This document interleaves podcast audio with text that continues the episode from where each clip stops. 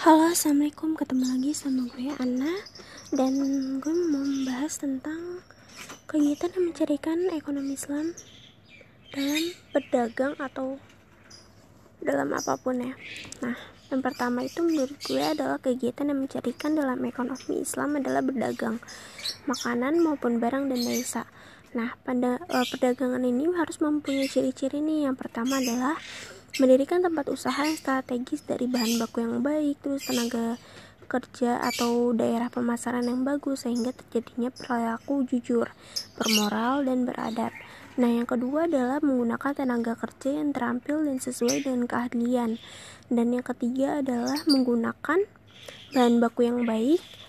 Yang keempat adalah menentukan harga yang sesuai dengan harga pasar pada umumnya.